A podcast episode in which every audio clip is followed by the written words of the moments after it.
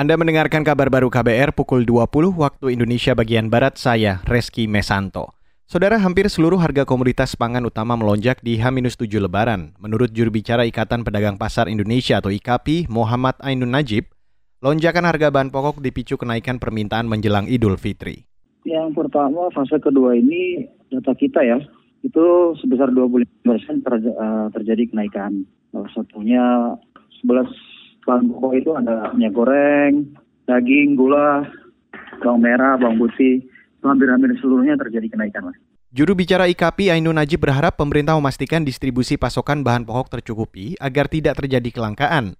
Beberapa komoditas yang mengalami kenaikan di antaranya minyak goreng curah, ayam potong, telur ayam ras, dan daging sapi. Beralih ke berita selanjutnya, Saudara, ekonom senior Faisal Basri mengkritisi pendataan bantuan sosial atau bansos yang masih menjadi masalah utama dan perlu diperbaiki. Tujuannya agar pemberian bansos tepat sasaran dan efektif. Selain itu, kata dia, ia meminta pemerintah menambah besaran bansos dan diberikan dalam bentuk uang tunai. Jadi udah tambah aja bansosnya. Jadi nanti isinya bansos minyak goreng, bansos tahu tempe bisa jadi gitu kan. Jadi norak gitu. Dan administrasinya jadi ribet karena nanti ada kartunya lagi buat bansos bisa kok cara berpikirnya kok ruwet. BLT-nya di, di dinaikkan. Kemudian coverage-nya orangnya jumlah orangnya dinaikkan karena kan bisa dihitung tuh ya. Jadi misalnya orang yang di atas garis kemiskinannya 10% di atas garis kemiskinan barangkali 50 persennya itu udah miskin sekarang nah dimonitor intinya adalah data sih ya. Ekonom senior Faisal Basri juga mengkritik BLT minyak goreng yang tak menyelesaikan krisis minyak goreng di tanah air. Menurutnya, pemerintah seharusnya menuntaskan masalah minyak goreng mulai dari dugaan kartel dan penimbunan, bukan sekedar memberi bansos. Saudara Dinas Bina Marga dan Penataan Ruang Provinsi Jawa Barat mengklaim ada 34 jalur arteri perkotaan kapasitas tinggi siap digunakan pemudik di masa libur lebaran.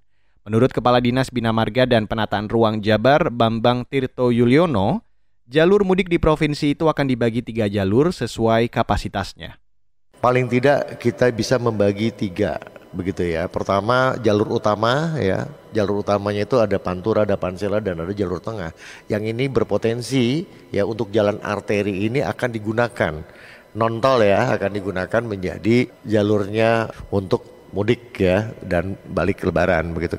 Saudara itu tadi Kepala Dinas Bina Marga dan Penataan Ruang Jabar, Bambang Tirto Yuliono. Dan kita beralih ke berita olahraga, Saudara.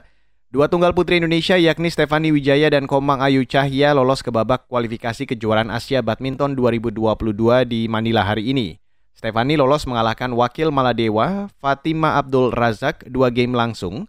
Sedangkan Komang Ayu menundukkan pebulu tangkis Korea Selatan unggulan kedua An Seyong. Selain dua tunggal putri, pasangan ganda putra Indonesia Fajar Alfian dan Muhammad Rian Ardianto berhasil lolos ke 16 besar Badminton Asia Championship 2022.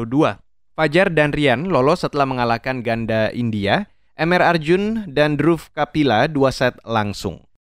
Dan saudara, demikian kabar baru saya Reski Mesanto.